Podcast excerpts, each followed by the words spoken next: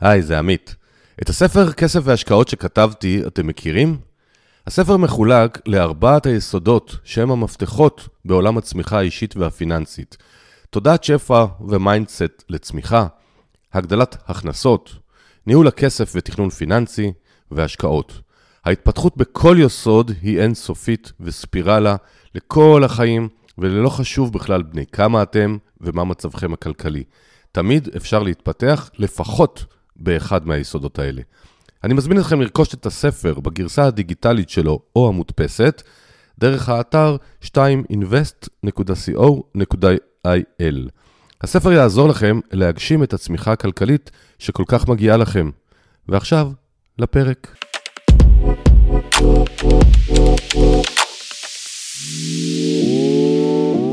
שלום לכולם, אני עמית אשת ואנחנו בפודקאסט כסף והשקעות. תודה שבחרתם להאזין לנו היום. זה יהיה פרק על השראה, שינוי קריירה, הגדלת הכנסות, נתינה ועוד ועוד דברים מרתקים. האורח שלי היום הוא שי ביבס. שלום שי. שלום שלום, מה הולך? נהדר, תודה שאתה איתי. אז שי הוא בן 30, הוא אנליסט בחברת הייטק ומייסד שותף של קהילת why now. הוא משקיע, הוא מרצה על השקעות והתפתחות כלכלית לדור ה-Y, ובין לבין הוא גם ראיין אותי בפרק 100 החגיגי שלי יחד עם מיכל רוזנטל, וממש רגע לפני שנתחיל, יש לי בקשה קטנה עבורכם וגדולה עבורי. אה, יעזור לי ממש אם תיתנו דירוג לפודקאסט באפליקציה שדרכה אתם מאזינים. זה יעזור לפודקאסט להגיע לעוד עיניים, אוזניים, כי האפליקציות מדרגות לא רק לפי כמות האזנות, גם לפי לייקים וכל מיני דברים סודיים שאני לא יודע. אז בכלל תודה שאתם מאזינים לנו ושמספרים לחברים ומשתתפים בכנסים שלי ובקהילת פייסבוק. בקיצור, תודה שאתם בחרתם בכסף והשקעות. ונעבור לשיחה עם שי, ואני רוצה להתחיל, שי, בשאלה כביכול הבנאלית. התחלת להשקיע בגיל 20, איך? מה? ילד בן 20, מה פתאום מתחילים להשקיע בגיל 20? שנייה לפני שאני מתחיל, אני חייב להגיד לך תודה ענקית על הפודקאסט הזה. Uh, סיפרתי גם אצלנו בפודקאסט שאני עוקב הדוק, והיית הרבה מההשראה שלי ושל רותם לעשות את הפודקאסט שלנו, אז קודם כל על זה תודה. אני התחלתי להשקיע בגיל 20, קצת לפני השחרור מהצבא, קיבלתי מההורים שלי איזשהו סכום כסף, 20 אלף שקל, שאמרו לי, זה מתנה בשבילך לכבוד השחרור, תחליט מה אתה רוצה לעשות איתו. ולי הדבר הראשון שעלה לראש זה לקנות איזה רכב נחמד, ככה לנסוע בימי שישי עם החברים, אה, זה פלוס מה שעניין אותי. ובאיזה ארוחת שישי, אחד ה... כאילו, ישבתי עם ההורים, וההורים אמרו לי, תגיד, למה שלא תיקח את הכסף הזה, תיקח איזה הלוואה, תיקח משכנתה קטנה ותקנה איזה דירה בדימונה. זה היה נראה לי מנותק מהמציאות, כי לא גדלתי בבית של משקיעים, גם לא ידעתי שההורים שלי משקיעים. אני יודע שאימא שלי ילידת דימונה ומכירה את העיר, אבל מפה עד לבוא תקנה דירה, זה היה נראה לי הזוי. לפחות אני גדלתי בבית שבו הרבה מהשיחות סלון היו על משכנתה ועל התשלומים ועל כמה יקר וכמה קשה. ופתאום היה נראה לי מטורף שאימא שלי הציעה לי לקחת משכנתה בגיל 20, ובהתחלה הייתי נורא נגד זה, אמרתי, מה אתם רוצים מהחיים שלי, עכשיו הלוואה ומשכנתה, לא, לא נראה לי. אחרי כמה חודשים, ליום הולדת 21, ההורים שלי שלחו אותי לאיזשהו קורס של התפתחות אישית של אה, שלושה ימים, ששם הבנתי שהרבה מאוד פעמים כשאני מגיע לאיזושהי בחירה חדשה ומפחידה, אני ישר מסתגר וחושב למה לא, או למה זה לא יעבוד, או למה זה מפחיד, או למה זה גרוע. ובאותו יום שחזרתי מהסדנה הזאת, נתתי לעצמי את האפשרות לפתוח דף במחברת ולרשום דווקא למה כן, מה כן יכול לעבוד. אה, פשוט התחלתי לחרוש את האינטרנט, את גוגל, למה כן להשקיע בנדל"ן, לקרוא על משקיעי נדל"ן, על הרבה מאוד פוסטים שקראתי בקבוצות רנדומליות, והחלטתי שיאללה, זה הכל או כלום, בואו בוא ננסה מה יש לנו להפסיד.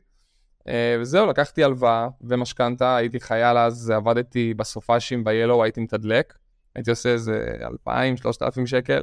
הכסף הזה לקחתי הלוואה ומשכנתה קטנים לדירה שעלתה קצת פחות מ-400,000 שקל, ו- ושם זה התחיל. שם, זה, זו, זו הנקודה שכמו שאני אומר היום בהרצאות שלי, זו הנקודה שהפקק נפתח, ואני גם מרגיש שהקושי שה- הכי גדול של היום צעירים בדור שלנו, בכלל בכללי, זה באמת הצעד הזה שפותח את הפקק לא, לעוד דברים שמגיעים, ואני חושב שזה לגמרי הפקק שנפתח.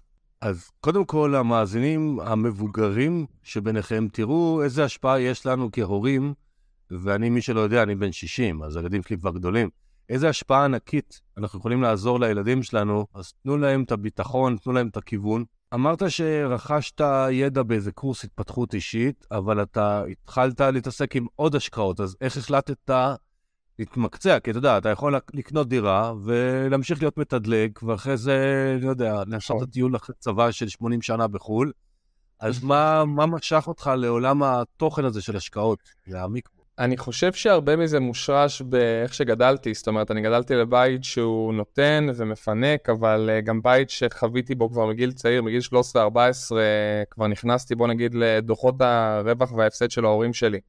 Uh, אבא שלי היה עצמאי שנים, והיה לנו תקופות פתאום שאמא באה הביתה ואומרת, תקשיבו, החודש אין מסעדות, החודש אין, uh, השנה אין חו"ל, אנחנו צריכים להצטמצם, אין חוג השנה, כאילו, היו דברים שקרו, ואני זוכר שכל פעם שהייתי ילד, ילד, נער, שהתבגרתי, אז אמרתי לעצמי, כשאני אגדל בא לי להבין בכסף. לא, לא בא לי להיות כמו ההורים שלי. זאת אומרת, עכשיו זה, זה קטע, כי כל אחד מסתכל על זה בצורה, בפרופורציה אחרת. זאת אומרת, זה לא שגדלתי בבית עני, להפך, נסענו כל שנה לחו"ל ברוב השנים, ונהניתי, וגדלתי, והיה לי חוגים והכל, אבל אמרתי לעצמי, לא, לא בא לי לחיות בתודעה כזאת של כאילו אין חוג, או לא, לא בא לי להגיע למצב שאני לא נותן לילד שלי גם וגם.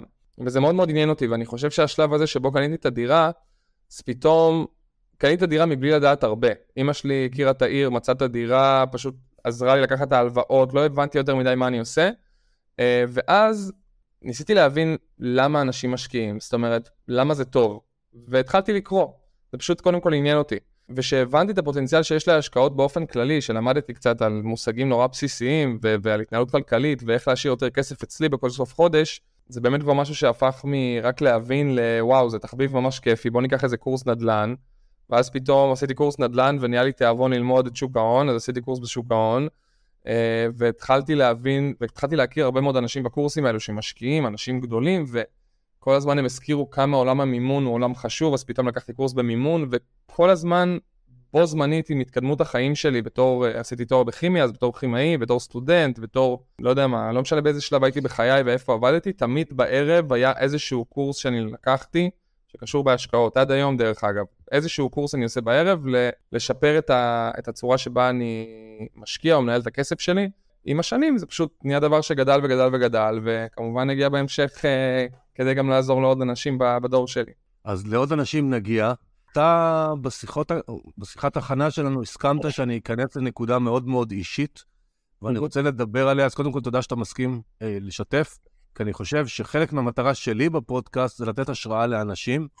אז אני אנסח את השאלה מאוד מקרו, אתה תחליט איזה מיקרו אתה נכנס. אה, המקרו שאני רוצה לדבר עליו, שאתה לא סיימת את הצבא, אה, נכון. מה שנקרא, במועד אה, של תעודת שחרור רגילה, נכון. וזה הוביל אותך למעשה התנדבות, זה הוביל אותך לרוץ מרתון, אז תיכנס נכון. למה שאתה רוצה, מוכן, כי אני חושב שיש לך פה אפשרות לתת השראה למאזינים, משהו מטורף. כן, אמ, זהו, אז אני לקראת השחרור, אני שירתתי בחיל המודיעין באוגדת עזה. אה, בערך ארבעה חודשים לפני השחרור שלי ב-2013, אני מאוד אוהב לשחק כדורסל, והיה איזשהו ערב ששיחקתי כדורסל בבסיס, ואני זוכר שרציתי, יש איזשהו שלב של המשחק, לקרוא לחבר שעמד לידי ולהגיד לו, תומר, תמסור את הכדור. עכשיו, אני לא יודע, אני לא יודע להגיד לך תחשבו על זה רגע אם זה אי פעם קרה לכם, כי לא נראה לי זה קרה לכם, אבל תחשבו על זה שאתם רוצים לקרוא למישהו, ועובר לכם במוח רגע הפקודה של להגיד, עמית, תמסור לי את הכדור, ואתה מרגיש שבפה, מה שאתה מוציא תכלס, זה לא מה שאתה רוצה להגיד במוח. כאילו, יש קצר בין המוח לפה, אה, והרגע שאני מגמגם, כאילו, אני חושב על להגיד משהו ואני אשכרה מגמגם, הבנתי שמשהו לא בסדר, התיישבתי על הרצפה, והתעוררתי אחרי כמה זמן באמבולנס, ואמרו לי שפרכסתי על המגרש, ולא כל כך ידעתי בכלל מה זה אומר לפרכס, אמרו לי אולי יש לך אפילפסיה, יש לך אפילפסיה, אמרתי אין לי מושג בכלל מה אתם רוצים ומה זה בכלל, מה זה בכלל המחלה הזאת. Long story short, חזרתי לבסיס, שבועיים אחר כך הלכתי לישון, התעוררתי עוד פעם באמבולנס, מסתבר שפרכסתי בזמן שישנתי בבסיס, ואחרי עוד פעם אחת, פעם שלישית, כבר קבעו שיש לי אפילפסיה, שחררו אותי חודשיים לפני הזמן אה, שהייתי אמור להשתחרר בו על פרופיל רפואי, ויצאתי לחיים. Uh, המפגש הראשון שלי עם החיים היה עם הרופא, שכל דבר שאמרתי לו בערך שאני רוצה לעשות עכשיו בחיים, הוא אמר לי, אתה לא יכול, אתה לא יכול לטייל בחו"ל לבד, אתה צריך להתייצב, אתה לא יכול, אין לך רישיון נהיגה עכשיו לשנה עד שאתה לא מתייצב, אם אתה הולך ללימודים, תשים לב שאין אין מדרגות גבוהות, שמישהו מלווה אותך, שמישהו יושב איתך, הרגשתי כאילו אני נהיה סבא כאילו ב... כבר בגיל 20, 21, וזה הכניס אותי, השיחה הזאת, לאיזשהו דיכאון מאוד עמוק של חצי שנה, שמונה חודשים, שבהם ילד בן 21 יושב בחדר, לא רוצה לצאת, כי הוא מפחד שהוא יפרכס בסופר, ברחוב, ב... לא משנה איפה, אה, לא מוכן לצאת עם חברים. הבנתי פשוט שהחיים שלי נגמרו בגיל 21, ואמרתי לעצמי, יואו, אני הולך להיות כמו אלו בטלוויזיה, שכזה קרה להם איזה משהו, או שהם נהיו נכים, וכזה חיים עם ההורים שלהם עד גיל 50-60. כאילו, כל הדברים עברו לי בראש, שאף אחד לא תרצה אותי, שלא תהיה לי שאני לא יכול להתקדם בחיים, וזה הרג אותי. ואני חושב שבאמת כל פעם שגם סיפרתי על, על הנכס הראשון, אז כל פעם שהנקודות האלה שבהם לקחתי איזשהו קורס של התפתחות אישית, זה משהו ששינה לי את החיים, את הצורת ההסתכלות שלי. וגם בשנה הזאת שנכנסתי והסתגרתי בחדר, אני אומר לך, ברמת ההורים שלי דופקים לי בדלת, שמים לי את הצלחת אוכל בכניסה לחדר ואני לוקח ואוכל ארוחת בוקר, צהריים וערב בחדר, כי לא יצאתי אפילו לאכול. ופשוט איזה יום אחד דחפו לי מתחת תחתית של הדלת אה, פתק ש... הם הזמינו לי סדנה של התפתחות אישית שהם רוצים שאני אנסה ללכת ושזה אולי יעזור לי. אחרי הרבה ויכוחים וריבים הסכמתי ללכת לזה, וזו סדנה באמת שכמו שאמרתי על הנכס, היא פשוט התמסרתי אליה והיא גרמה לי לבכות ולהוציא ממני אמוציות כמו שבחיים לא קרה לי. פשוט הגעתי להבנה שאין לי שליטה בדבר הזה, אין לי שליטה במחלה הזאת. אנחנו מדברים עכשיו פה בפודקאסט ויכול להיות שאני אפרכס כאילו באמצע, אני לא יודע מה יהיה. אני רק מקווה שיהיה בסדר, אבל אני לא יכול לשבת בחדר ולהמשיך להרגיש כאילו לחכות לזה שיגיע או לפחד מזה, ובינתיים אני מפספס חלומות ומפספס דברים שרציתי להגשים. וזהו, אחרי הקורס הזה יצאתי החוצה ואמרתי, בא לי לעשות משהו גדול שיחזיר לי את התחושה שאני חי, כאילו ש... שהנה, אני, אני עדיין במשחק, אני יכול לטרוף את החיים האלה, והחלטתי לרוץ מרתון, זה מה שאני שונא לעשות, אני שונא לרוץ, אבל ישבתי עם עצמי והחלטתי שאמרתי לעצמי, אם אתה תצליח לרוץ מרתון, שאתה שונא אפילו לרוץ 100 מטר, כאילו גם לרוץ וגם לעשות דבר כזה ארוך, אתה תוכיח לעצמך שאתה באמת יכול לעשות דברים גם שלא נוחים לך, וכאילו להצליח. ושם זה התחיל, הבנתי שאני גם על הדרך רוצה לקדם את חולי האפילפסיה בישראל ולייצג את העמותה, ולהראות שגם חולי אפילפסיה יכולים לעשות הכל, והתחלתי תהליך של שישה חודשים שבהם uh, הייתי, כבר התחלתי באיזושהי תקופה שבזמן הזה גם להיות סטודנט, אז הייתי קם בארבע וחצי בבוקר, מתאמן, בגשם, בשמש, בימי שבת, לא היה לי יציאות עם חברים בימי שישי, הייתי הולך לישון בשבע וחצי בערב, וקם בארבע בשביל לרוץ לפני uh, זריקת השמש. שישה חודשים שנגמרו במרתון שרצתי בפראג, בצ'כיה, עם הדגל של עמותת האפילפסיה שעוטפת אותי, ו... אני לא יכול להסביר במילים מה זה לעבור את קו הסיום בדגל עמודת האפילפסיה, ובסוף גם סיקרו את זה שם בצ'כיה, וזה היה ממש מרגש. אתה מגיע לבתי חולים, אתה רואה אנשים וילדים ש... שמפרכסים כל יום, ואין להם באמת חיים. יש הרבה מאוד אה, תפיסה לא נכונה לגבי מחלות כאלו ואחרות, ופתאום להגיע לשם ואתה יודע, לעזור להם או להראות להם שזה אפשרי, או להראות גם לעולם, אנחנו יכולים לעשות הכל, לא משנה איזה מוגבלות יש לנו, זה משהו שהוא מבחינתי ערך עליון, ועד היום אני משקיע הרבה מהזמן שלי בלקדם את העמותה ולהרצות בעמותה ולהביא אנשים מהעמותה לכנסים שאני עושה, וכאילו להראות באמת, לנסות ולשנות את התפיסה שרווחת היום בארץ בכל מה שקשור לאפילפסיה. אז תודה רבה, שי, על, על השיתוף. זה באמת, אותי זה מרגש, כי, כי אני חושב שאתה נותן כוח, אתה נותן כוח, תכף נגיע לקהילה כמובן, אבל גם הסיפור, גם השיתוף, זה, זה דברים לא מובנים מאליהם, והלוואי שמאזינים פה ייקחו את הכוח, כל אחד מהמקום שהוא נמצא בו היום, ויקבל את המוטיבציה. אז, אז בוא נחזור, אה, אחרי שלמדת, התאוששת, למדת, עשית, התחלת קצת להרצות, ופתאום היית גם כמה שנים בארצות הברית. מה, מה זה? מאיפה זה הגיע? היה לי חלום לעשות uh, תואר בכימיה ולפתח תרופות. סבא שלי נפטר כשהייתי בן uh, 4-5, הייתי נורא, הייתי, לפחות ממה סיפרו לי, כי אין לי הרבה זיכרונות מאז, הייתי נורא קשור אליו. אה, והיה לי איזשהו חלום שהתפתח, שבא לי, לי לפתח תרופה לסרטן. זה מה שאני רוצה לעשות בחיים. שחררתי מהצבא והלכתי באמת לעשות תואר בכימיה וביולוגיה באוניברסיטה העברית. וזה תואר מאוד מאוד קשה וסיזיפי, והגעתי למצב שאני מסיים אותו ואין לי אוויר. אמרתי, אני חייב שנה רגע, שנתיים לנקות את הראש, לעשות משהו. אחת האהבות שלי, כבר עוד מלפני התואר, יחסי חוץ. ישראל, בפוליטיקה ודברים כאלו. לפני התואר הראשון אה, התנדבתי במחנות קיץ של הסוכנות היהודית בארצות הברית. דברים קצרים כזה, ילדים בתפוצות, קירוב התפוצות אלינו. ואמרו לי, תקשיב, יש גם שליחות ארוכה של שנה-שנתיים, ממש ללכת לקהילה יהודית ולהרצות בפני סנטורים וזה וזה. אמרתי להם, תקשיבו, אני לא בראש הזה כרגע, כי זה תחביב, אני קודם כל תנו לי לעשות תואר, שיהיה לי את התואר ביד, ונדבר אחרי התואר. ווואלה, הם דיברו איתי אחרי התואר, הרימו לי, הרימו לי טלפון, מה קורה, זה ככה וככה מהסוכנות היהודית. נו, אתה מוכן, אתה רוצה לעשות את הדבר הזה? הייתי שבור מ... אחרי שלוש וחצי שנים של uh, תואר, אמרתי, יאללה, זה בא לי בול בזמן. Uh, בחרתי קהילה קטנה בעיר שקוראים לה צ'רלסטון בדרום קרוליינה. נסעתי לשם וגרתי שם כמעט שנה וחצי. עד אחד החוויות היותר מדהימות שהיו לי בחיים, לחיות לבד במדינה זרה, להקים שם קהילה יהודית מאפס, להסתובב כל יום מכנסייה לבית ספר, לסנאט בוושינגטון כל חודשיים, להרצות בפני פוליטיקאים, בפני סנטורים, בפני תלמידים, בפני רבנים, לא משנה בפני מי, על ישראל, על הקשר בין ישראל לתפוצות. אני נורא נורא אוהב להרצות באופן כללי, אה, לכן זה היה לי כיף. אה, אהבתי גם נורא את האקשן, בוא נגיד ככה, היה, היו לי שם הרצאות במכללות שזרקו עליי דם, אנשים של, של Free Palestine וכל אלו ממש, שזה הרצאה אחת ב North Carolina, באו לבמה וזרקו עליי שקית uh, מלאה בדם. היה שם בלאגן, אבל תשמע, זה היה פשוט תקופה מדהימה, שאני באמת זכיתי, זכיתי גם uh, לחוות משהו מדהים ולגור בחו"ל, וגם לסייע באיזושהי דרך למדינה, לקשר אותנו לתפוצות. אז הזכרת עכשיו שאתה מאוד אוהב להרצות.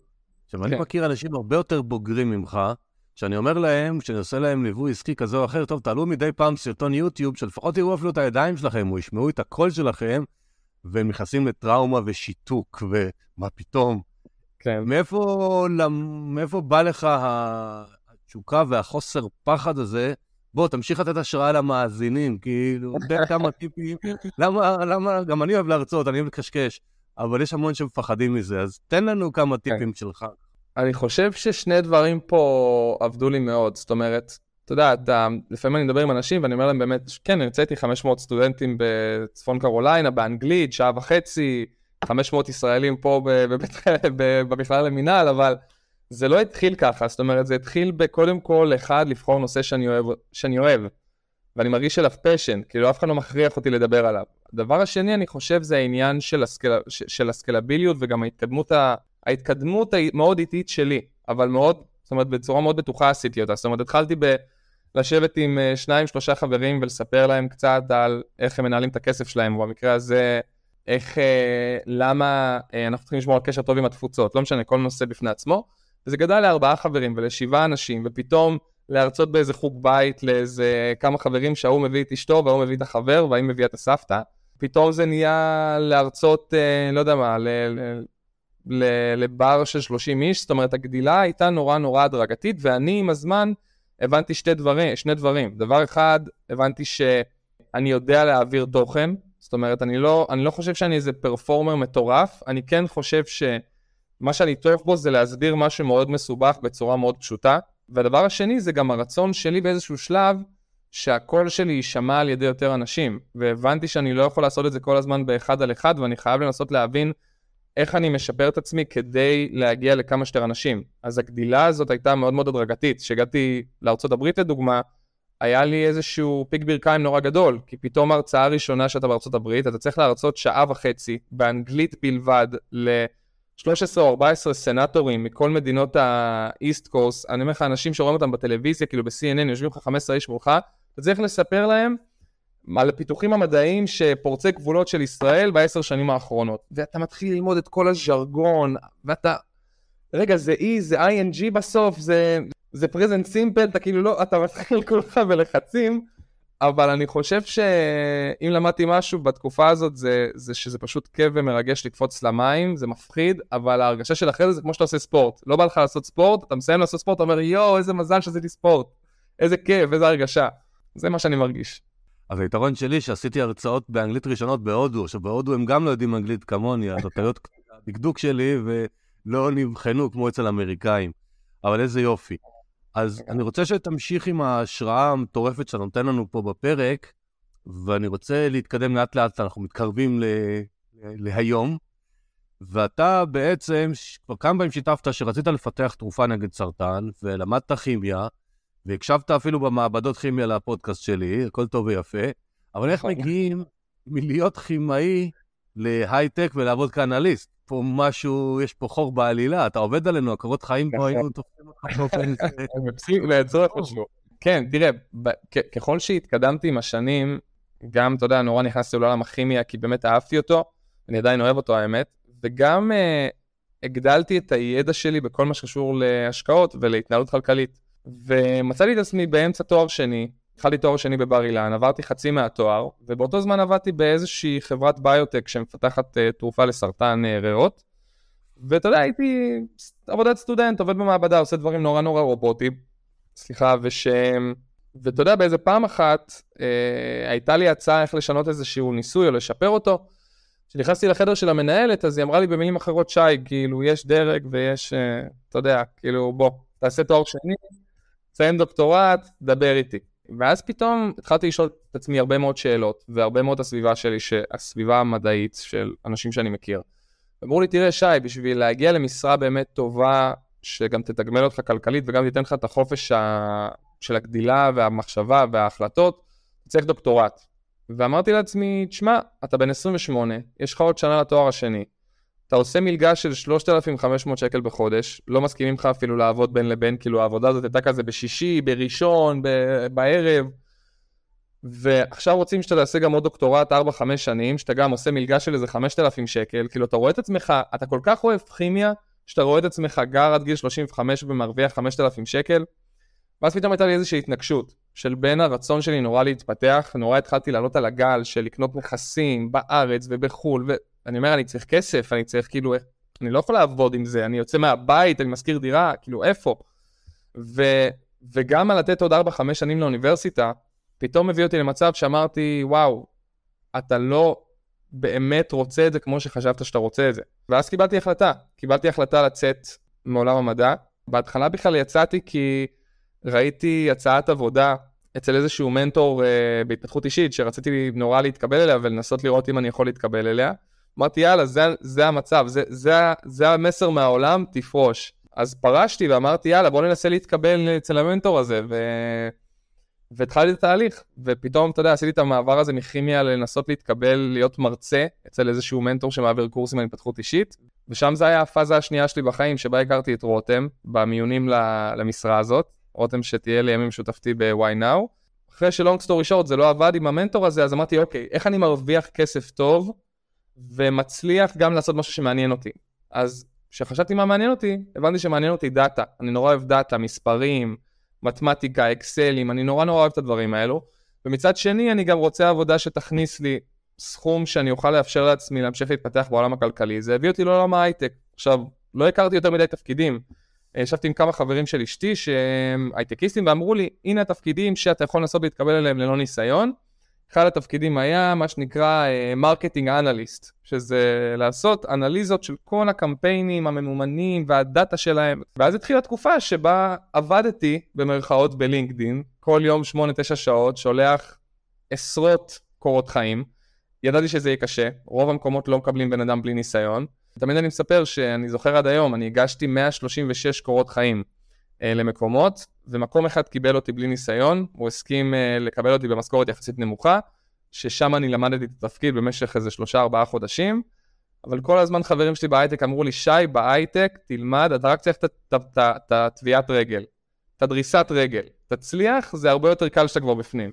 ובאמת אמרתי לעצמי, יאללה, אני עושה את זה, התחלתי במקום עבודה הזה, אחרי ארבעה חמישה חודשים כבר אמרתי יאללה הגיע הזמן להעלות את המשכורת, חיפשתי מקום אחר ואז כבר הגעתי למצב שאני שולח חמש קורות חיים, שלוש חוזרים אליי כבר ואני מתחיל לחשוב מה נכון לי יותר ומי משלם יותר ואיפה התנאים יותר טובים.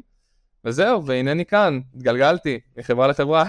איזה יופי, איך אני אוהב את הסיפור. טוב, אז הזכרת את רותם, אז אני רוצה לעבור לבייבי שלכם, אה, שמי שלא מכיר, אז זאת קהילת now. אה, ולכל מי שכועסת עלינו כבר מראש, למה רק שי ואני מדברים, אז uh, הסיכוי למצוא לו"ז משותף לרותם, שי ולי הוא מינוס אינסוף. אז אולי ב-2029 הפרק היה קורה, ואני העדפתי שהפרק יהיה עכשיו. אז רותם יודעת שאנחנו מדברים עליה והיא לא איתנו, גילוי נאות מה שנקרא. אז מה שאני בדרך כלל לא מסכים, אבל פה אני כן רוצה, אה, אני בדרך כלל לא אוהב שמשווקים המרואיינים שלי, אבל אני כן רוצה שתיתן איזשהו נאום שיווקי קצר, מה זאת קהילת why now ולמה הקמתם אותה. קהילת why now הקמנו רותם ואני לפני שנתיים בערך, אה, שנתיים וקצת, אוקטובר-נובמבר 2020. אה, הקמנו אותה מתוך צורך וכאב נורא עמוק שהיה לשנינו, שהרגשנו שנורא קשה לדור שלנו למצוא את עצמו בחיים, אישית וכלכלית. לא יודעים מה הלו"ז, הדור הזה שחי מהרגע להרגע, שלא חושב על העתיד, אין לנו מושג איפה הכסף שלנו, אנחנו כאילו לא יודעים, אנחנו זורמים, אנחנו בוא נגיד בשורה התחתונה אנחנו דור של זורמים.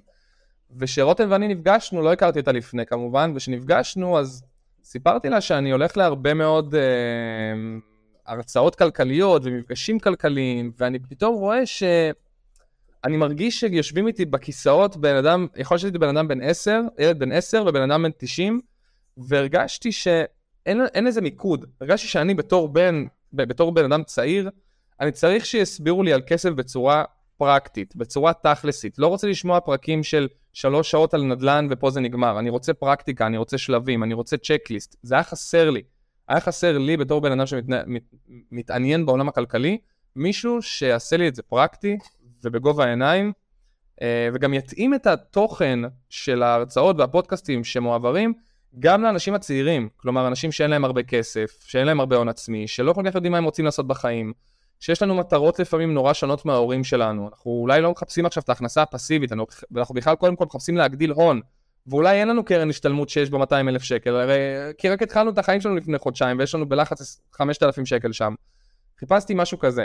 ורותם, מה שאהבתי אצל רותם זה שהיא אותו דבר בעולם של התפתחות האישית. רותם היא מאמנת אישית ועסקית, והיא אמרה לי איזה קטע, כאילו אני גם, אני נורא חזקה בכל עולם ההתפתחות האישית והרצאות וארגונים וכנסים, ואני גם מרגישה שאין משהו שהוא ממוקד לדור שלנו, כי המוח, ה mindset, הצורה שבה אנחנו חושבים, היא שונה לחלוטין מאיך שההורים שלי חושבים, ממקום של הגנה וביטחון ולשרוד, למצב שאנחנו דור שפתאום רוצה כבר לקנות בית, שטס כל שנה לכמה מקומות, ש, שחי את החיים הרבה יותר מהר, והרגשנו שאין מקום שיעשה את האדפטציה, ויותר מזה, הרגשנו שהרבה מאוד פעמים הקורסים או הקהילות או לא משנה מה ש- שנחשפנו אליו הם התפתחות כלכלית או התפתחות אישית ואנחנו לא הסכמנו עם זה, זאת אומרת אני, אני מאמין וגם רותם שהתפתחות אישית וכלכלית חייבים לבוא ביחד. כדי להתפתח כלכלית אנחנו צריכים להתפתח אישית, אנחנו צריכים לעבוד על mindset, על חוסן, זה דברים שהם proper התפתחות אישית. ובגלל זה החלטנו להקים קהילה, הקהילה הזאת היא קהילה שהמטרה שלה זה להוות בית חם לכל צעיר וצעירה מגילאי 18-19 עד 35 עד 37 כזה, שמרגיש שבא לו להתאפס על החיים שלו. וזה המטרה שלנו, לייצר קהילה שהיא בית, וזה מה ש-why now, זו קהילה שמתעסקת בהתפתחות אישית וכלכלית, החל מהשקעות, התנהלות כלכלית ועד מטרות, יעדים, חוסן, קריירה, מה אני רוצה לעשות בחיים. זה התחיל בתור פודקאסט וקהילה בפייסבוק, ולאט לאט אנחנו בנינו את הקהילה לפי הצרכים שקיבלנו מהקהל. קהל רצה יותר פן אישי ולראות את האנשים ולייצר קהילה אמיתית פיזית, אז עשינו מפגשים על ברים וכנסים. אה, אנשים שם אמרו, תשמעו, הכל טוב ויפה בפודקאסט, אנחנו רוצים לעשות תהליך. פתחנו מועדון שנקרא Y+, שהוא לוקח קבוצה של 20 איש ומלווה אותם אישית עם פגישות אישיות ומאמנים אישיים, וממש ארבעה חודשים משנה חיים. לקחנו את זה לכיוון של הרצאות בארגונים, כי פתאום אני עובד בהייטק ואני רואה שכל החברים שמסביב מרוויחים יפה ולא נשאר להם שקל כל חודש, ואני אומר, בואנה, אתם הזויים, אתם כבר יכולים להיות עם שני נכסים ביד. ואז פתאום אמרנו, חייבים להגיע לארגונים. אז התחלנו להסתובב ולהפיץ את עצמנו בארץ ולהסתובב בארגונים, בצבא, ב- ב- באוניברסיטאות, אה, כדי להפיץ את הידע הזה לצעירים שידעו איך להתנהל עם הכסף שלהם. ולאט לאט זה גדל. היום אנחנו שנתיים, אנחנו עם הפודקאסט שלנו, עם הרבה כנסים והרצאות וקורסים ווובינארים שבויים, אנחנו נותנים אופציות השקעה לקהילה, בנדל"ן, בשוק ההון, והכי חשוב, אנחנו נהנים בכל רגע מלראות יותר צעירים לוקחים אחריות על החיים שלהם, באמת, זה, ה... זה בסוף השורה התחתונה. המקום הזה הוא מקום מדהים שבו אתה מקבל הודעה שתיים ביום של איזה כיף התחלתי להשקיע פעם ראשונה בנדל"ן מזכותכם, איזה כיף סגרתי את המינוס, איזה כיף, כאילו, אתה רואה אנשים שמתאפסים על החיים שלהם בגיל צעיר ואתה יודע כמה הם יודו לך על זה, או יודו לעצמם על זה, כשהם uh, יגדלו. אז אחלה. אז uh, מאזינים יקרים, בשלישי למרץ, אני לא יודע אם עוד יישארו כרטיסים עד שהפרק יעלה, אבל uh, why now עושים כנס פרונטלי ב... מכללה למינהל בראשון, אז אני אהיה שם כאורח, אני לא על הבמה ולא זה, אבל גם תוכלו להגיד לי שלום, אבל אם נותרו מקומות, אז uh, תקנו כרטיסים, יש 500 מקומות באולם, לדעתי, נכון לעכשיו כבר 420 כרטיסים בערך נמכרו, אז uh, אני מקווה בשבילכם שתוכלו, יהיה לכם מקום. אבל בוא תגיד לי רגע, בעיניים שלכם, מה המטרה של הכנסים, ואני אמשיך את השאלה גם. אני רואה שאתם מזמינים לכנסים גם מרצים שהם לא בגיל הזה, לא בטווח של 19-35. זאת נכון. אומרת, אתם מרשים במרכאות לזקנים לחדור לקהילה שלכם, אז למה בעצם אתם לא מזמינים רק אה, חבר'ה בגילכם, ומה, ומה המטרה של הכנסים, ולמה אתם מערבבים מבוגרים במרכאות או לא במרכאות? קודם כל, אנחנו עושים כנסים מכמה סיבות. אחד, הבנו עם הזמן שהקהילה שלנו נמדדת לא באיכות שלה בפייסבוק, אלא באיכות הבין-אישית שלה. איך אנחנו מצליחים, כשאני מגיע לכנס, אני מסתכל על פרצופים ואני מכיר חצי מהפרצופים, אני מבין שעשינו משהו טוב, כי יצרנו באמת קהילה. שאנחנו מכירים אחד את השני, שאנחנו בקשר בוואטסאפ ובטלפון, ובסיור משקיעים ההוא בא, ובערב נדל"ן לפני חודשיים ההיא באה ואני זוכר אותה, והיכולת הזאת לייצר קהילתיות מבחינתנו היא, היא ערך עליון, ולכן החלטנו שכנסים זה משהו שהוא must. הדבר השני, זה כי אני באמת בתור שי מאמין גדול בכנסים, כי אני חושב שדרך מדהימה לקבל ידע מוזרק לברית בזמן קצר, הוא בצורה של כנס. ולכן גם אנחנו נורא נורא רוצים את הכנסים. והדבר השלישי, הוא שגם בסוף, בסופו של דבר, הקהילה שלנו, אנחנו הרבה מאוד מהפרסומים עושים בפייסבוק, בדיבורים, באינסטגרם, אבל כמו שאני מאמין שאתה מכיר, אה, בפייסבוק האחוז האחוז הפצה של זה, תפוצה של זה הוא בערך בין חמישה לשישה לשבעה אחוז אם אני ביום טוב. אמ, וגם כנ"ל בשאר הפלטפורמות.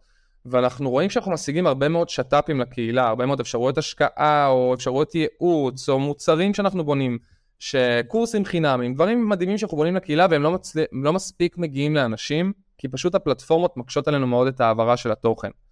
אה, ולכן אנחנו גם בוחרים לעשות כנסים כדי שגם החבר'ה בקהילה יוכלו להיחשף כמה שיותר לערך או למכלול הדברים שהקהילה שלנו מציעה. ולגבי השאלה על המרצים, אז תראה, בסוף אני חושב שלמרצים שהם יותר מבוגרים, יש הרבה מאוד ידע שאני בתור בן אדם צעיר רוצה ללמוד, מבן אדם שעבר וכבר נכשל וכבר למד והשיג משהו שאני אומר, אני רוצה להיות איפה שנמצא היום, איך אני יכול להגיע לשם? אז זה אחד. מצד שני, יש הרבה מאוד מרצים כאלה. השאלה למה הם. אז כשאנחנו מביאים את המרצים לכנסים, או את האנשים שיהיו בפאנלים, זה אנשים שאנחנו הקשבנו להם, היינו בהרצאות שלהם, או ששמענו פודקאסט שלהם, לא משנה, ואמרנו, וואו, הוא מסביר את התוכן בדיוק בצורה שבה אני מצליח ללמוד. כי היום הבעיה שלי, שלנו, זה שיש הרבה מאוד מרצים, אבל אני חושב שלדור שלנו, שהוא דור שמאוד, עוד פעם, מפחד מדברים חדשים והכל נראה לו סינית, גם בכסף, גם בעולם ההתפתחות האישית, אתה צריך מישהו שיהיה נורא פרקטי ובגובה העיניים, ושאתה אשכרה תלמד ותקבל ממנו פרקטיקה. וזה כבר יותר מאתגר למצוא. ולכן אנחנו עוסקים הרבה מאוד פעמים בלמצוא אנשים שאנחנו אוהבים את הצורה שבה הם מדברים, ואשכרה מבינים מה הם מדברים. זה הדבר הנוסף. בסוף אנחנו גם, בסוף כשאנחנו עושים כנס שלנו ואנחנו מביאים אנשים, אז יש לנו גם יכולת לשלוט במה אנחנו רוצים שיועבר. זאת אומרת, אם אני אומר, תקשיב, עמית, יש לך חצי שעה, המטרה של ההרצאה הזאת, איך אני יודע שתהיה מוצלחת, אני רוצה שהם יקבלו חמישה טיפים פרקטיים שהם יכולים כבר מחר בבוקר להתחיל להשקיע.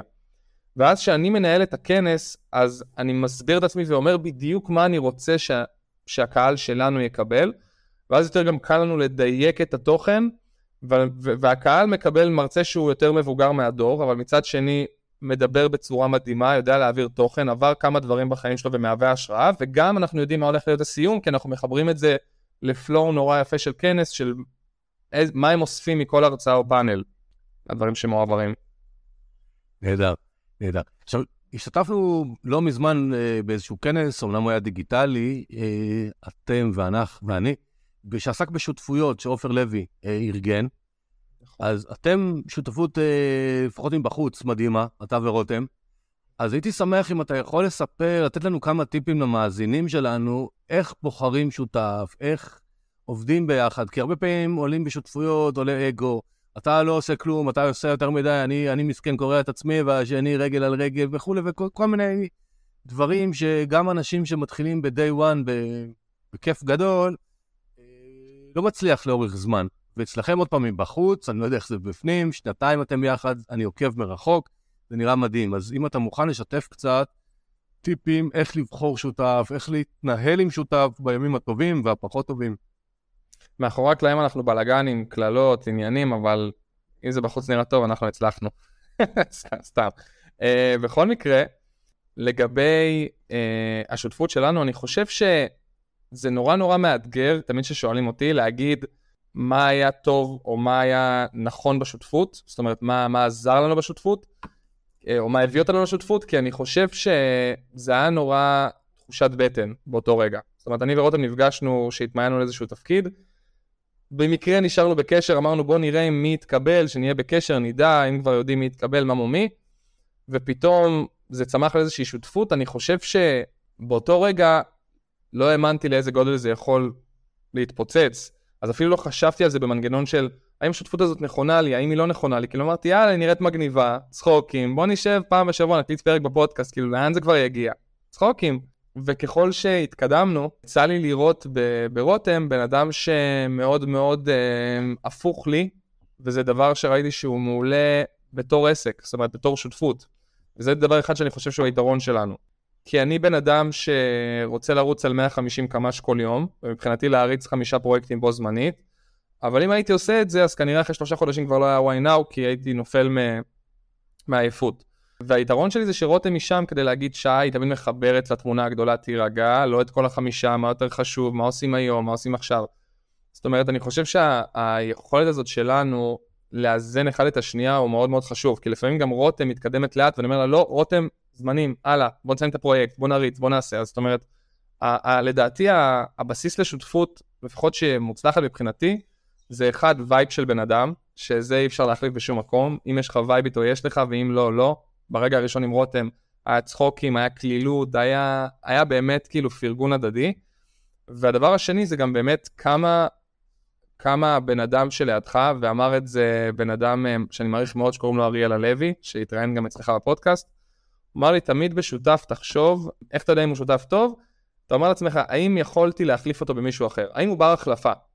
וכשאני מסתכל על רותם, היא לא ברת החלפה בשום צורה כזאת, כי אני בחיים לא אמצא מישהי שתוכל להשלים אותי בצורה כזאת בביזנס, ש, שהיא בדיוק ההפך, שהיא תמיד נמצאת כאן כדי להחזיר אותי שנייה למקום, שהיא פה בשביל להסתכל על התמונה המלאה.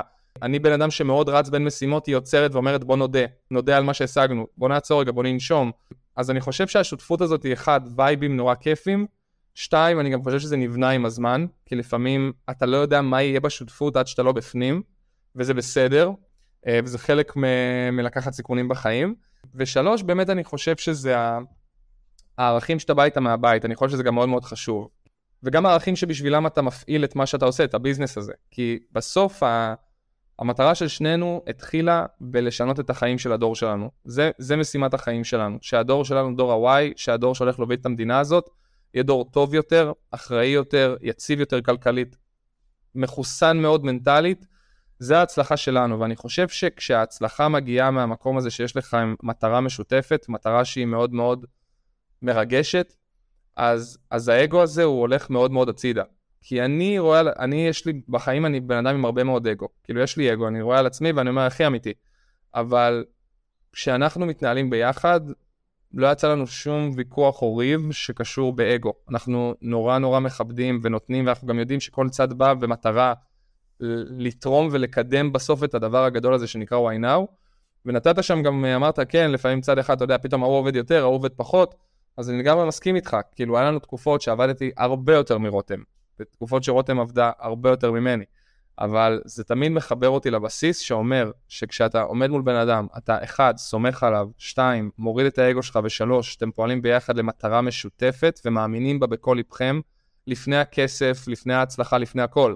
אנחנו בשנה הראשונה של ynow הוצאנו מהכיס כדי ש-ynow יפעל באזור ה-30 אלף שקל. אז כשזה מתחיל ממקום כזה של נתינה ורצון קודם כל לתת ערך לפני הכל, אני חושב שזה בסיס מאוד מאוד נכון של, של שותפות, שבה כל אחד מוריד את האגו שלו בשביל מטרה הרבה יותר גדולה. יפה, זה באמת uh, יכולת גבוהה שלכם לעצור, להקשיב לשני, לשנייה, ו- ולהגיד, טוב, נו, יש מן השכל במה שהוא או היא אמרה, ו... ולהמשיך. טוב, יש לי מלא שאלות על זה, אבל לא, זה יותר חשוב שנתקדם.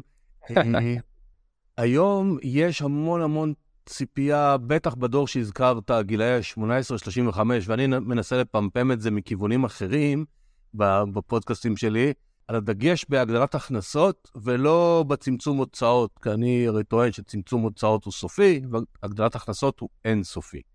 השאלה שאני חותר אליה, ולא במספרים, אלא בדוגמאות עקרוניות, אם יהיה לך, זה, אתם היום מנהלים קהילה, וזה דורש הרבה מאוד זמן ומשאבים.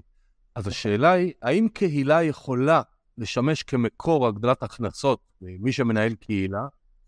ואם כן, רעיונות, אה, כי אני יודע שיש המון היום אנשים מתלבטים, כן להקים קהילה, לא להקים קהילה, באיזה פלטפורמה, לא, כן טיק טוק, לא טיק טוק, כן אינסטגרם, לא אינסטגרם, כן פייסבוק, לא פייסבוק וכולי וכולי.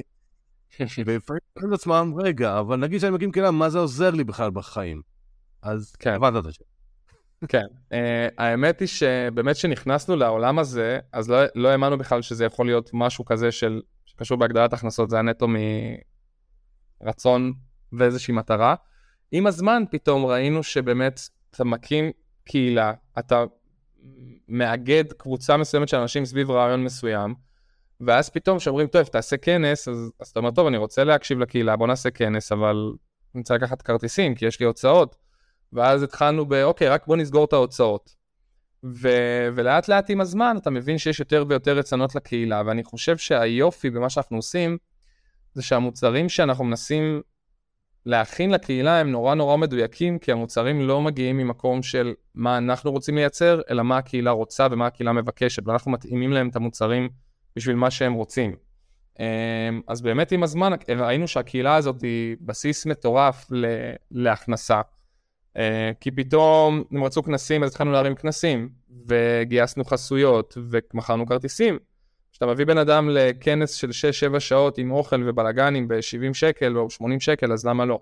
ופתאום אנשים, כמו שאמרתי לך, חפרו לנו כבר חצי שנה על הראש, מה, מה עם תוכנית ליווי, מה עם תוכנית ליווי, ואני ורותם שנינו שכירים, אז איפה עכשיו נעשה תוכנית ליווי?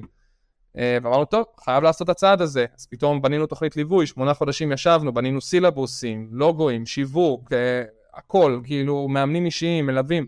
פתאום פתחנו ליווי, אז אתה פותח ליווי של ארבעה חודשים, יש לך סיסטם שעובד, נכנסים אנשים, פתאום זה מוצלח, אתה פותח מחזור שני ושלישי ורביעי וחמישי, היום אנחנו כבר מחזור חמישי, וזה מתקדם, אז זאת אומרת, אנחנו כל הזמן צומחים, אנחנו לא באמת האמנו שזה יכול להיות מקור הכנסה, עד שלא ניסינו דבר אחד ושני ושלישי, ופתאום אנשים אומרים לך, שי, דרך מי לקנות דירה, ואתה אומר, תשמעו, אני לא יודע, אני עשיתי ליווי עם משקיעים עם הבן אדם הזה, תעשו דרכו, ופתאום המלווה משקיעים אומר, טוב, אבל הבאת אותם, מגיע לך כאילו, מגיע לך חלק, קח. אתה אומר, אה, מגניב. ואז פתאום זה נהיה המגניב, וזה נהיה המגניב, ופתאום אה, באינטל רוצים שתבוא להרצות, ובאנווידיה איזה מישהו מהקהילה סידר לי שם הרצאה, ופתאום פה כמה, כמה קצת כסף, ופה קצת כסף, ופתאום אני ורותם מסתכלים ואומרים, וואו, מגניב, נכנס כסף, אוקיי. זה פתאום השלב שישבנו, נשמנו, לקחנו שלושה חודשים הפסקה מ-Y Now, וכל מה שעשינו זה ישבנו כל לילה עם אקסלים וטבלאות להכין תוכנית עסקית, כי פתאום הסת... הסתובב לנו הבורג הזה שאומר, וואו, זה לא צחוקים uh, בפודקאסט ב-10 בלילה רק, זה יכול להיות עסק. ופתאום התחלנו לשבת על תוכניות עסקיות, ועשינו שני, שנינו קורסים ב... במכללת אה, BDO, שבה למדנו uh, דוחות והתנהלות בתור עצמאי ומס הכנסה וכל הדברים האלה. וישבנו וכתבנו תוכניות עסקיות והעברנו אותן לאישורים והתחלנו לעבוד עם מטרות וגייסנו עובדים, גייסנו צוות, אחד ועוד אחד ועוד אחד, כאילו הגענו היום, אנחנו כבר 11 בצוות ועוד אני ורותם. כל אחד אחראי על משהו, כל אחד עובד מול מטרות מסודרות, מול יעדים מסודרים. אנחנו כל הזמן עובדים על להביא כמה שיותר uh, תוכן uh, חדש לאתר, לבלוגים, זאת אומרת, אנחנו עובדים נורא במרץ, אבל uh, זה לגמרי מקור מדהים שיכול להיות להגדלת הכנסה, ואני באמת מרגיש שככל ש... נתנו ב-Y Now, שאנחנו נותנים ב-Y Now יותר ערך ושירותים שאשכרה מדברים לאנשים, אז כולם נהנים מזה. זאת אומרת, אנחנו מעבירים אנשים תהליכים משני חיים במועדון, ו- ובאותו זמן אנחנו מצליחים גם להרוויח מזה. מבחינתי ה-Holy Grail, שכולם מרוצים. אז מאזינים יקרים, זה באמת עוד נקודה של השראה. שבאמת אפשר, אם עושים משהו מתשוקה, אפשר להגדיל הכנסות, אז אולי לא בהיקפים האלה ואולי לא בהיקפים האלה, זה בכלל לא משנה. זה כמו ששי מנסה להעביר לנו פה לאורך כל השיחה, זה תתחילו לעשות ולא לפחד, וגם הוא התחיל במקום דאון קצת אחרי הצבא, ו- ו- ואם אתה מאמין, ואתה לוקח את עצמך בידיים, זה מתקדם. אז אני רוצה להגיע גם לדבר שהוא כאילו במרכאות אולי פחות טוב, אבל זה טוב. אתה כיום גם שכיר, גם רותם, אבל אני מדבר איתך, אז אני לא, לא נרחל עד כדי כך. אתה גם אה, שכיר, עובד קשה, אתה בהייטק, אין מה לעשות, צריך לעבוד קשה. אתה גם מנהל שותף בחברה שהיא צומחת yNow, שזה נכון. גם דורש הרבה זמן. אז בעצם השאלה היא, איך משלבים קריירות כאלה, ומה המחירים שזה גובה? במיוחד שגם אתה וגם רותם במהלך שנה שעברה התחתנתם, אז זה כבר, נכון. זה לא רק אני עם עצמי ומה בא לי אני עושה, אז תשתף נכון. אותנו קצת איזה מחירים, איך מאזנים. בשנתיים האחרונות, גם רותם וגם אני משלמים מחירים ברמה היומית. הסיבה שבה אנחנו עובדים בתור שכירים זה כי לרותם ולי, אנחנו אומרים את זה בריש גלי והחוצה, שיש לנו עדיין איזשהו פחד מ... כאילו, אנחנו נורא נורא צריכים את הביטחון, ביטחון הכלכלי.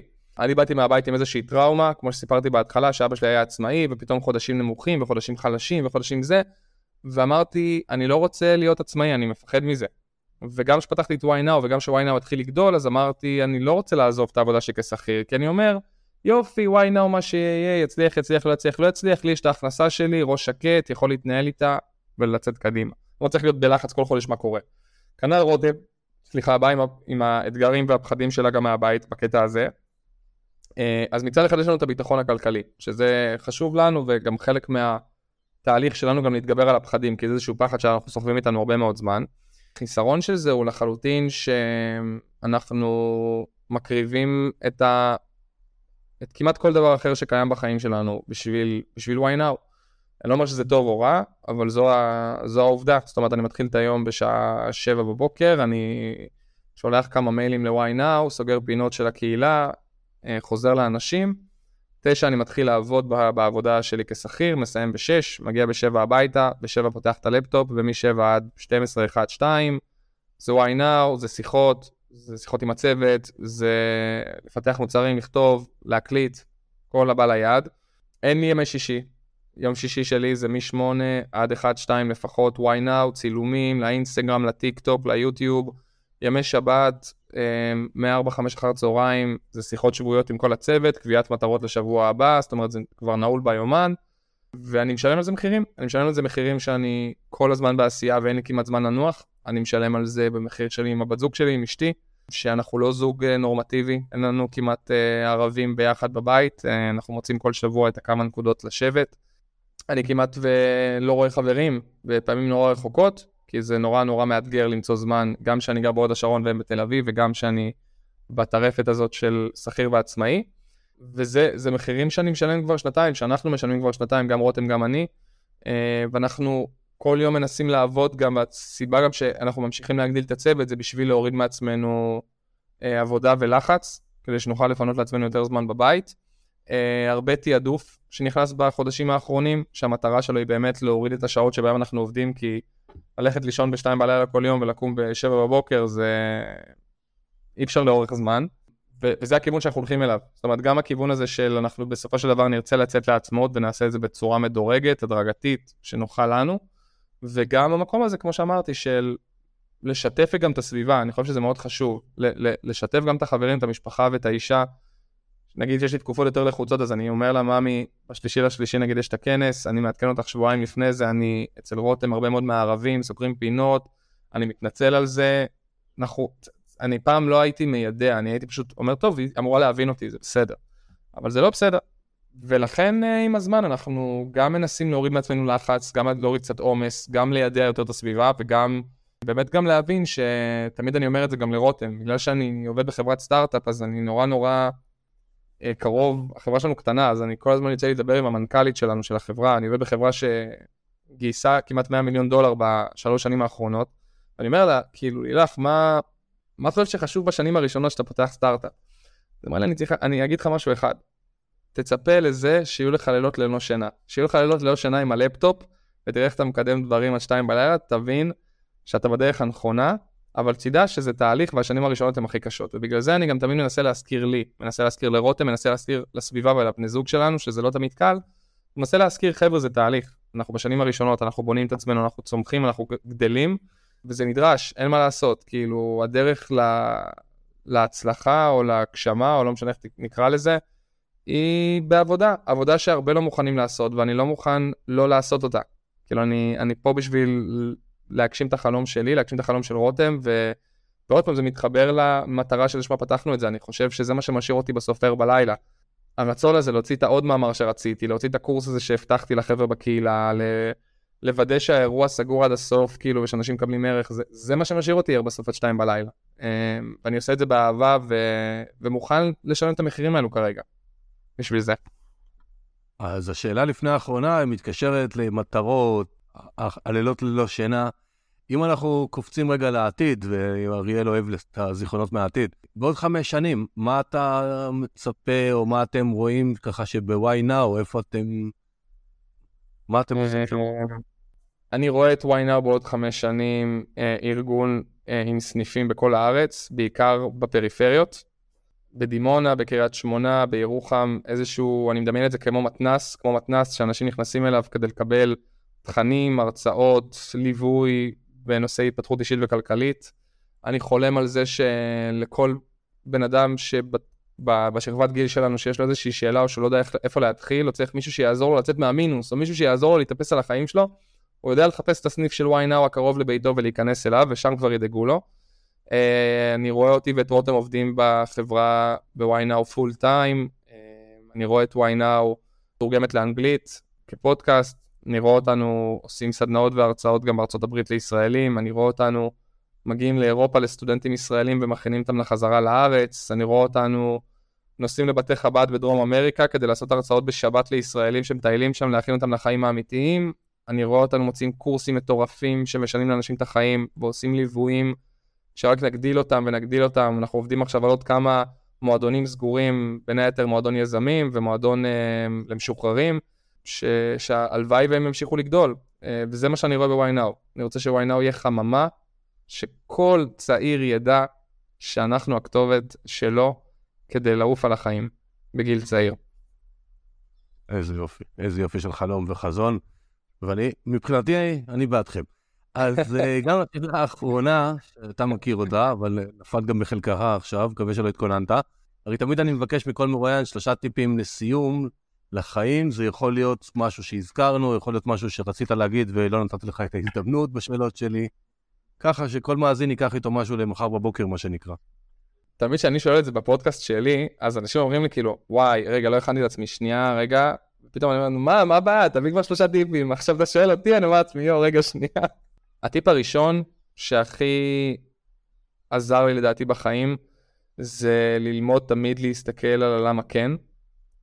גם על הלמה לא, אבל גם על הלמה כן. אני חושב שהצעד הראשון שלי בלרכוש דירה, הצעד הראשון שלי של לצאת מהבית אחרי הדיכאון שלי ב, ב, עם האפילפסיה, כל, בש, בעשר שנים האלו עשיתי צעד, מלא מלא צעדים ראשונים. ברכישת נכס, עברתי לגור בחו"ל, היה לי אפילפסיה, שיניתי מקצוע, פתחתי את why now, כאילו עברתי כל כך הרבה צעדים ראשונים שנראים מפחידים.